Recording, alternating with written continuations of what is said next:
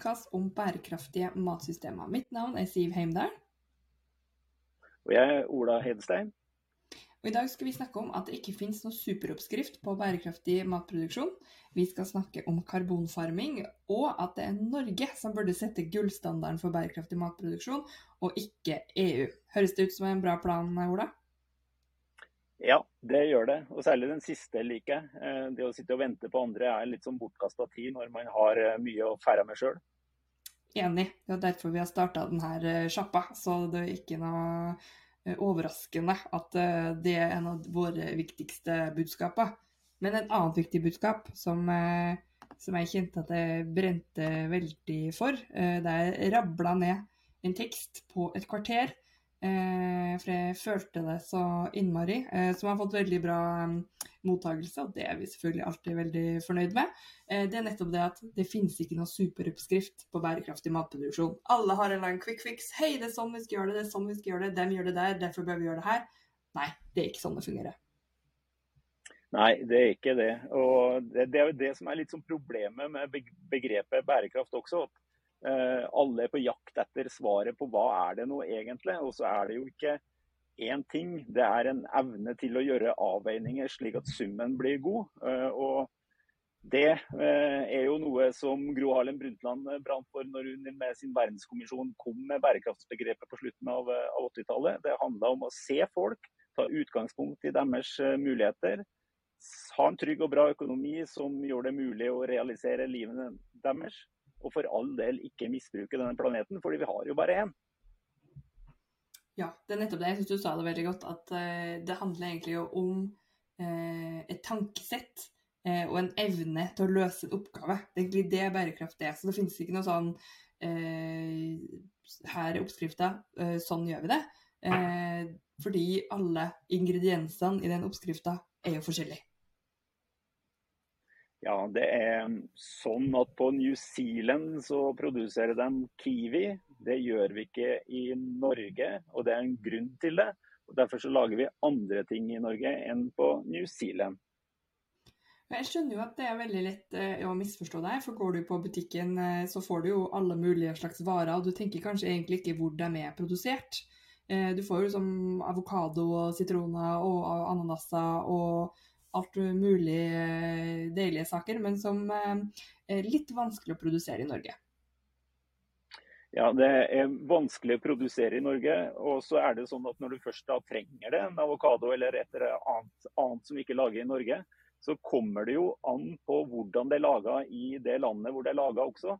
Så det er ikke hva som er rett som er det vesentlige, men hvordan man lager ting. Og alt med bærekraft handler om å lage ting på en sånn måte at du ikke utsetter folks helse for noe negativt, eh, og ikke eh, svekker miljøets evne til å levere økosystemtjenester for framtidige generasjoner.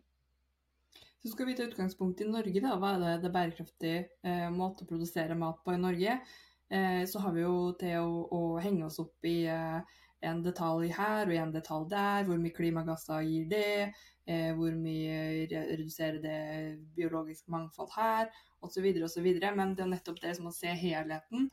Og se hva er det vi egentlig har grunnlag, hva er det vi har areal til å produsere. Hvis vi klarer å begynne der, da tenker jeg, da har vi kommet et skritt videre. Et ganske langt skritt videre.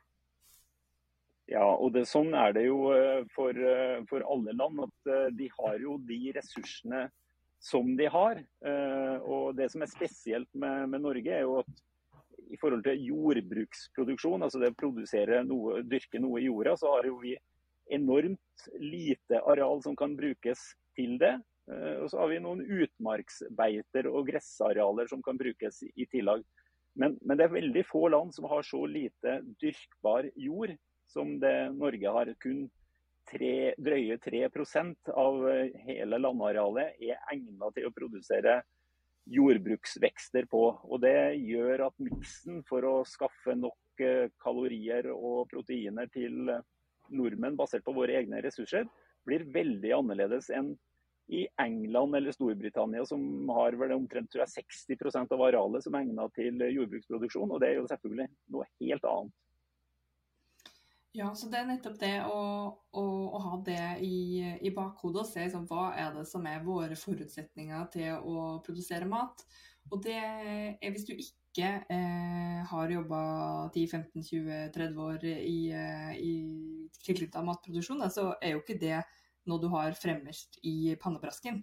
Det er, jo, det er, jo, den maten du ser på butikken som du går rundt uh, og, og, tenker på. Så jeg forstår jo uh, at det er kanskje ikke ressursgrunnlag og Eh, kommunens arealplan eh, du har eh, i tankene når man skal begynne å sette seg ned på hva er det egentlig som er bærekraftig mat?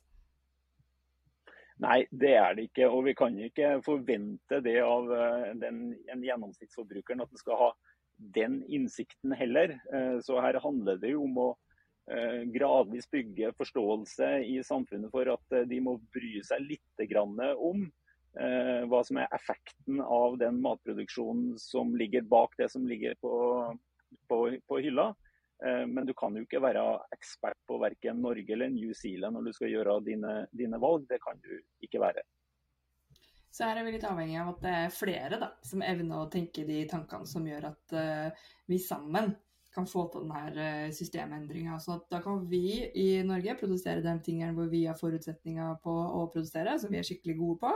Og så kan da New Zealand fortsette med kiwi og sitrus og jeg vet ikke, jeg aner ikke hva som produseres i New Zealand, for å være helt ærlig. Jeg burde kanskje ikke gjette si tilfeldige ting på en podkast heller.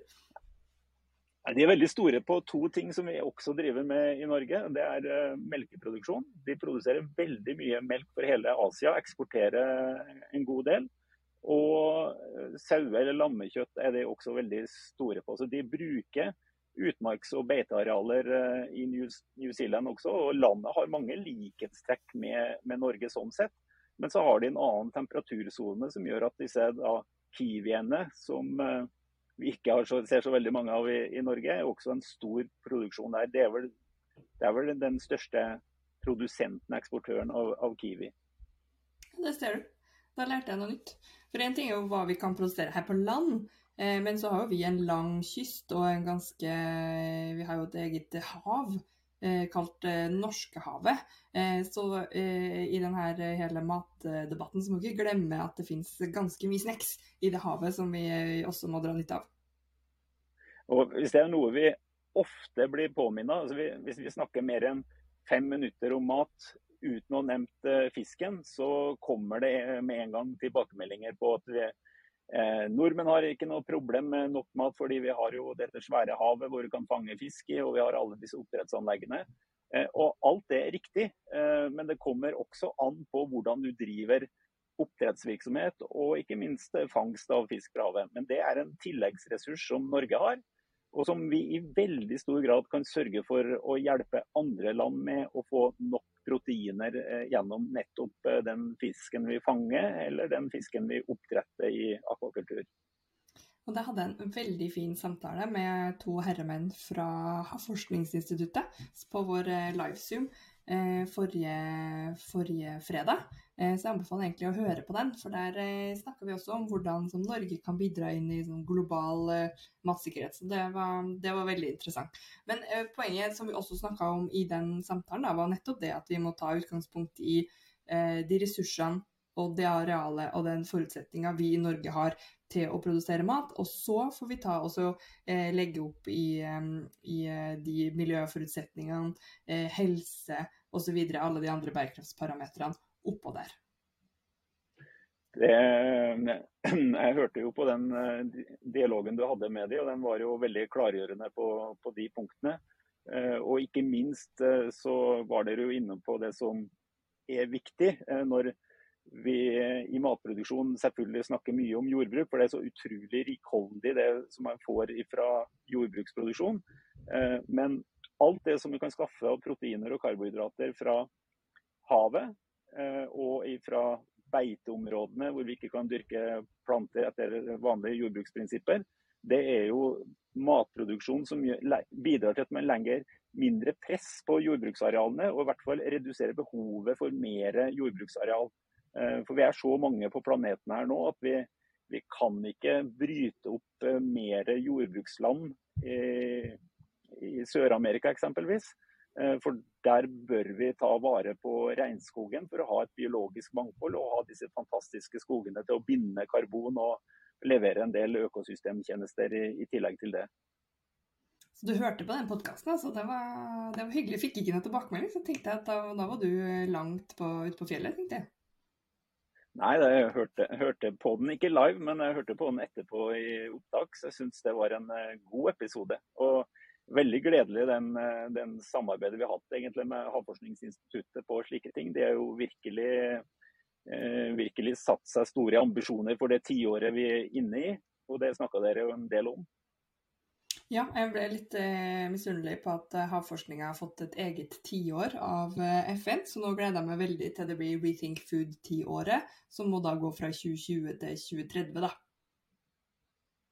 Ja, Vi får håpe den kommer opp. Det er eh, fortsatt mange sannheter innenfor matproduksjon som det er verdt å ta et, et oppgjør med. Og en ting som vi ikke har snakka så veldig mye om i disse podkastene, men som vi kommer til å ha kanskje ikke så mye før sommeren, men etter sommeren, går jo inn på kosthold, ernæring og, og helse. Jeg har jo gleden av å skal være med på en boklansering senere i dag med Marit Kolby, som har sett på hva er nå egentlig godt kosthold? Eh, så jeg håper jeg får noe innsikt der, og ikke minst når jeg skal lese den boka som hun utgir i dag. Ja, jeg regner med vi får uh, Marit uh, i tale på en uh, liten live-zoom òg, nå som du har vært så, så grei og, og nevnt den boka hennes. Men for å summere opp, da. Denne superoppskrifta på bærekraftig matproduksjon, dem som sier at de har den, ikke tro på den. Den, den, kan, den, planen der tror jeg bare å, å, legge i skuffa, fordi det handler om eh, hvert enkelt land, egentlig hvert enkelt eh, bedrift sitt, eh, sin evne til å kunne ha flere tanker i hodet på en gang og kunne balansere de her ulike hensynene. Og man må alltid ta utgangspunkt i i de ressursene man har til rådighet. Så eh, ta den type superoppskrifter med en stor klype salt. Det er oppfordringa herfra. Det er mange muligheter i et eh, land som Norge. Det er mange muligheter i New Zealand, for å dra opp det, de igjen. Men i begge land så er det noen begrensninger for hva de også kan produsere. Eh, og det er mulighetene som man må bruke. Begrensningene er begrensninger som uh, gjør at du kanskje ikke skal kaste bort energi og ressurser på å prøve å lage ting som ikke er egnet for. Risproduksjon i Norge f.eks. Er ingen uh, stor vinner garantert, så den kan vi la være å overlate til Italia f.eks. og drive på med det oppå de deltaområdene på Po-høylandet. Vi har noen deltaområder i, i Norge òg, det er Lågendelta f.eks. Ja, eh, det er Hvis noen eh, klarer å overtale Innovasjon Norge til å starte med risdyrking der, så er de gode. og håper de får nei. ja, vi får se. Jeg vil bare også poengtere at uh, vi ikke er betalt av det newzealandske landbruksdepartementet, hvis noen skulle tro det, etter all denne uh, uh, name-droppinga av New Zealand. Det er bare tilfeldig du som har en henge på New Zealand, tror jeg. Jeg har litt heng på den, fordi det har opp igjennom tidene vært uh, gjort et nummer av å vise til at si, reguleringen av matproduksjonen i New Zealand er veldig mye mer liberal enn i Norge og Europa. Og så skal vi da kopiere det regelverksettet som de har i, i New Zealand. og det, Da er du igjen på en sånn eh, da, da, er det politikere da, som er ute etter å ha de enkle svarene på de kompliserte spørsmålene. Og det blir, blir dårlig også i den sammenhengen. Mm, jeg tenkte kanskje det var årets sommerferie, men, eh, men det var ikke det, altså. Eh, vi Nei. skal Nei, det er bra. Det er litt langt uh, unna. Men uh, vi skal gå litt uh, videre på programmet vårt. Vi skal snakke om EU. Vi liker jo å prate og følge med på hva som skjer i EU. Og um, det de har funnet på nå, det syns vi er ganske smart. Og det er noen ting de kaller carbon farming, eller karbonfarming, eller karbondyrking, eller hva vi nå skal kalle det på norsk.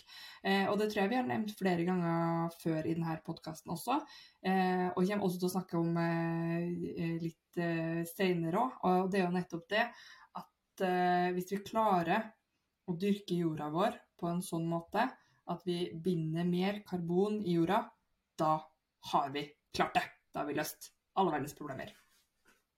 Det, det, det, det, er nest, det er jo faktisk så, som du sier, at det er en mirakelkur. Eh, hvis eh, man blir god nok på å bruke de biologiske systemene til å fortsette det som naturen har gjort i mange tusen år før vi begynte å egentlig dyrke jorda. For da, da har kretsløpene i naturen sørga for at vi gradvis har bygga mer og mer matjord. Eh, og i matjord så er det karbon. Eh, og da kommer den karbonet fra et sted, og det er fra lufta. Eh, og så har vi nå drevet en ca. 70 år med litt sånn industrialisert landbruk, kalles det gjerne.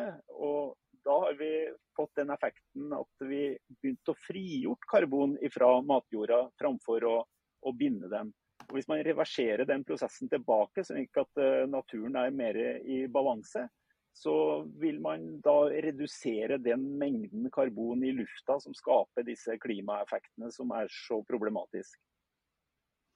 Og det er nettopp det EU har skjønt, eh, og velger nå å bruke det som et verktøy for å nå eh, sine klimamål. Vi har snakka om det eh, mange ganger tidligere, men jo, EU e tar jo virkelig grønn vekst på alvor, og ikke la deg lure av flotte klimamål. Det er vekst som er målet her, eh, men det skal være en grønn vekst. Og da er tanken til EU at eh, landbruket eh, skal da være med på denne veksten, men de må også ta mer ansvar for å bli mer klimanøytrale. Og det er her denne carbon farming kommer inn i bildet. Det gjør det, og det har jo pågått eh, Det, altså det kom jo med The Green Deal og den strategien på matsiden som heter Farm to Fork. Eh, så ble det lansert noen tanker rundt eh, jordhelse og carbon farming. Og nå har de gått det steget videre at landbruksministrene i EU har sett på forslagene fra kommisjonen Eh, og så har de vurdert de og sagt til kommisjonen og til parlamentet i EU at eh, vi møteser gjerne et forslag til regelverk og sertifikatordninger, frivillig sådan, slik jeg oppfatter det, eh, som gjør det mulig for bøndene å få betalt noe ekstra hvis de driver jorda på en sånn måte at det lagres karbon i jorda. Og Jeg er veldig spent på hvordan de, hvordan de ser for seg å løse det. Men jeg tror det er veldig nyttig hvis man får inn økonomiske insentiver som styrker bondens økonomi, ved at man får betalt for å gjøre det som er bra eh, i form av karbonbinding. Da er vi nettopp i kjernen av det som er vår visjon, at det skal lønne seg å produsere bærekraftig mat. Og det er det eh, som gjør meg så begeistra for det her fors eh, forslaget eh, fra EU, at man liksom kobler det opp mot eh, eh, mot lønnsomhet, og at eh, man kan gjøre det om til en inntektsstrøm. Fordi sånn som det er nå, da, hvor man bare dytter på den ene kravet etter den andre, den ene kostnaden etter den andre, eh, da får du sånn motvillig folk som sleper beina etter seg. I hvert fall blir jeg ofte sånn, hvis jeg får en eller annen sånn krav eh, dytta inn nedover hodet mitt. Sånn nå må du levere regnskap og sånn. Det er jo veldig irriterende. Jeg tenker, må jeg egentlig det? Det er mye hyggeligere hvis man da kan koble det opp mot, uh, mot en gulrot fremfor uh, fengselsstraff. Ja, det, jeg tror det er uh, akkurat sånn som du sier. At det virker motiverende. At man da begynner å undersøke liksom, ja, hva kan det bety for meg. og så får man da kanskje høre det som i hvert fall imponerte meg første gangen at eh, det er noen som faktisk har beregna effekten av karbonbinding. Eh, og som sier at eh, hvis du får liksom fire promille mer karbon i jorda, og det sier de som da er mer jordeksperter enn oss, Siv, at det er jo gjennomførbart i prinsippet og teorien. Men hvis man får fire promille mer karbon i all jordbruksland som vi bruker til, til matproduksjon rundt omkring i hele verden, så vil man binde anslagsvis like mye karbon som forårsaker den klimaendringen vi står midt oppi. Så, så Det er enorm gevinst hvis man får satt dette i system. og Da tror jeg det EU nå legger opp til her, er en eh, vei som er verdt å følge og kopiere. Det er ikke ofte jeg sier at vi skal kopiere EU, men akkurat i dette tilfellet så syns jeg det er verdt å si det. For får du da laga et system som gjør at bonden får inntekter av å skape noe som er godt, så er det sannsynlig at det blir gjort. Og da får vi kanskje også løst disse klimaproblemene raskere enn det det ser ut som vi skal gjøre. Så hvis du vil være veldig optimist, se på carbon farming. Er det gjennomførbart i den målestokken som det er tatt ambisjoner om å foreta seg, så har vi i prinsippet mye av løsningen på klimaproblemet. Vi er jo optimister, og hvis du syns at det her uh, hørtes veldig spennende ut, så er det bare å følge med, for da kan det hende at, uh, at vi kommer til å komme med noen litt spennende nyheter sånn tidlig i, i juni. Men vi tar litt, litt forbehold der. Men, men, at her går EU foran og, og setter sette skal si at de setter standarden, men de setter i hvert fall på agendaen. Eh, og det er jo en del av deres visjon om at de skal sette gullstandarden for bærekraftig matproduksjon.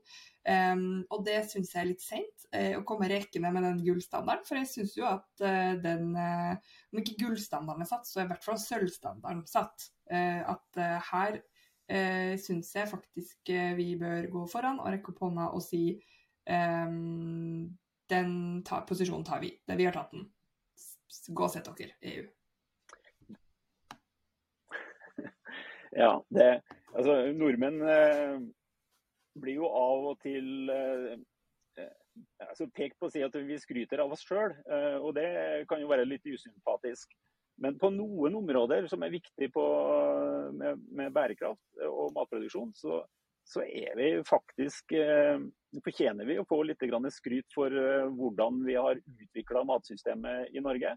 Eh, vi mener jo begge Siv, at det er mye i det norske matsystemet som må bli bedre enn det er i dag.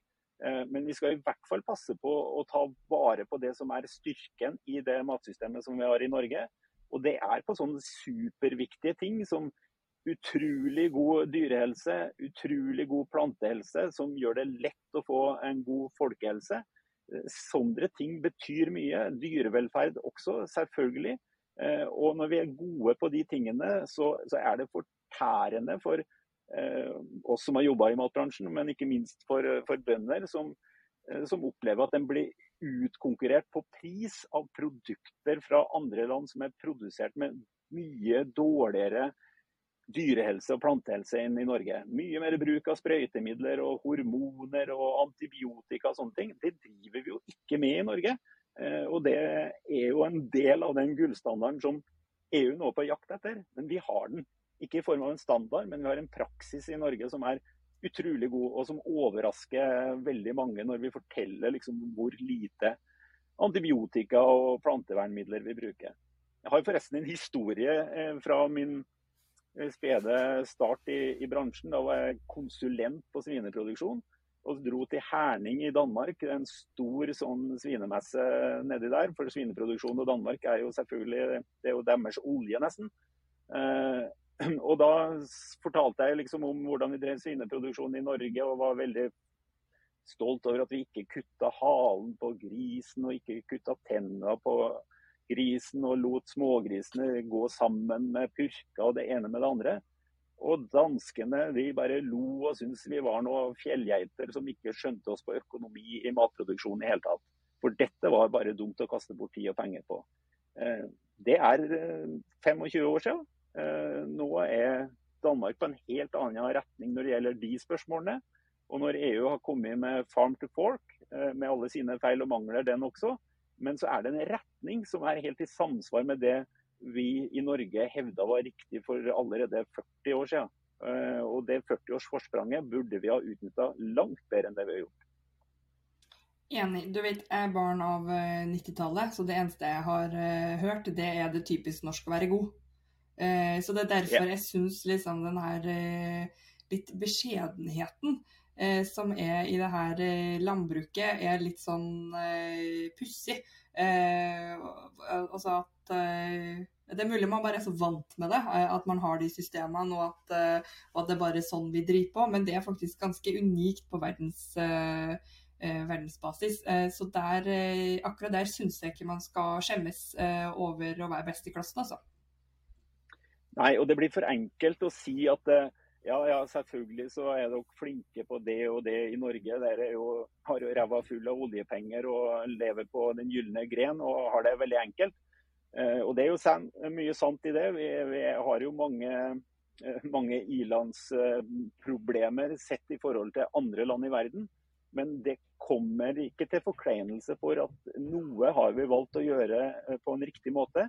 Og det blir ikke mulig å få til et bærekraftig matsystem selv om utgangspunktet er mye dårligere i andre land og mye dårligere økonomiske forutsetninger, så er man nødt til å heve standarden på matproduksjon for å få eh, forutsetningene til å gjøre noe med de store klima- og biomangfoldsutfordringene som vi har. Det er et, sånn konkret eksempel da, på at det her eh, matsystemet at det er noe riv ruskende galt rundt det. Det er jo en sak som har vært oppe i, um, i pressen nå. Nettopp at uh, fordi EU har problemer med sin mattrygghet, så reduserer de jo da datomerkinga uh, fra, fra 35 dager til 28 dager, eller noe sånt der. Eh, og den problemstillinga er jo bare helt eh, borti natta for, eh, for, norske forhold. Altså, vi har jo ikke salmonella, vi har ikke mye av de der eh, problemene knytta til mattrygghet som gjør at, at det, det, det, blir jo bare rot og rør. Altså, vi kunne sikkert satt datomerkinga enda lenger fram. Altså, jeg er ikke ekspert på mattrygghet, så ikke stol på meg der, da. Men poenget er at uh, salmonella er ikke et problem her i Norge. Det er det i veldig mange andre land. Uh, og det at, uh, at eh, vi på en måte ikke blir premiert da, for at vi har gjort det riktig, det syns jeg er ganske urettferdig. Og nok et argument for at det enkelte som bør sette seg ned, og andre som bør reise seg opp og ta den plassen man faktisk fortjener. Ja, det, det, med holdbarhet på egg er et veldig godt eksempel på et område hvor EU burde sette Norge, og i hvert fall sørge for at eh, norske eggprodusenter hadde konkurransefordel i det norske og europeiske markedet. Fordi vi produserer da, eller holder oss med disse hønene på en måte som gjør at de er friske. Eh, vi har kontroll på den salmonellaen. Og i tillegg til det, eh, så er det også et veldig viktig element at vi har, orden, vi har orden på logistikken og distribusjonen i verdikjeden, sånn at vi klarer å holde disse eglene kjølte hele veien. Eh, og det også bidrar til at holdbarheten er veldig god. Så Norske egg de holder seg holdbare sikkert mange uker etter den eh, anbefalte eh, eh, holdbarhetstida, som per i dag er sånn røftlig 35 dager eh, med dagens eh, fortolkning fra EU sin side. Og nå har de kommet opp med at de skal stramme den inn slik at det bare er lov å ha holdbarhet på eggene i noen og 20 dager. Jeg husker ikke eksakt hvor mange og 20 dager det var. Eh, men det er tull. 28, ja. Men det, det, er rett og slett tull. Eh, det gjør maten dyrere. Det gjør at man blir dårligere til å utnytte ressursene. Det kan i verste fall øke matsvinnet. Og ikke minst så justerer man da standarden etter de dårligste landene eller produsentene i Europa, framfor å gi noen fordeler til de som har eh, funnet en god måte å produsere egg på. Enig. Så eh, for å summere opp, da, så er det yes, vi støtter initiativet til Farm to Fork. Vi syns det er eh, strålende at EU ser potensialet i matproduksjon til å være med og løse de eh, utfordringene vi står overfor. Eh, men at Eh, den gullstandarden, der må Norge rekke opp hånda og sette en stopper for, eh, for den merkelappen. Um, og hva nå enn vi kan bidra med for, for at uh, vi skal gjøre det, uh, der er vi med. Ja, altså Selv om ikke våre politikere eller regjeringen kan sette seg inn i ministerrådsmøtene eller i parlamentet uh, og trumfe gjennom de norske interessene, så er vi, eh, sitter vi ved bordet når regelverk utvikles. Eh, og Mattilsynet og politikere kan markedsføre nettopp disse sidene ved den norske produksjonen, fordi de er svaret på EUs egen strategi, Farm to Fork. Dette er en god løsning på det. og Det er ingen grunn til å ikke snakke med høyere og større stemme eh, nå når vi nettopp er i innspurten på 2030, på det vi kan vise EU er mulig å gjøre i praksis. En annen en er jo, som vi har nevnt flere ganger, antibiotikabruk. Noen land i EU prøver å gjøre et hederlig innsats for å bedre den situasjonen og komme seg ned på de lave forbruksnivåene som vi har i Norge, Sverige og Island. Men det er de landene i EU som ligger så himla langt etter, og åpenbart da har et husdyrhold eller fiskehold som er kritikkverdig. Yes. Vi lar det bli siste ordet der. Og hvis du er interessert i å høre hva vi gjør på antibiotika og antibiotikaresistens, så ligger det en tidligere podkast litt lenger ned i, uh, i feeden din. Um, men jeg tror kanskje vi runder av der for i dag. Så finner du artikler og kronikker vi har skrevet i, i episodebeskrivelsen hvis du er interessert i å lære mer. Og så dukker vi opp i feeden din om en ukes tid, så da sier vi takk for at du hørte på, og så høres vi igjen. Ha det bra. Ha det.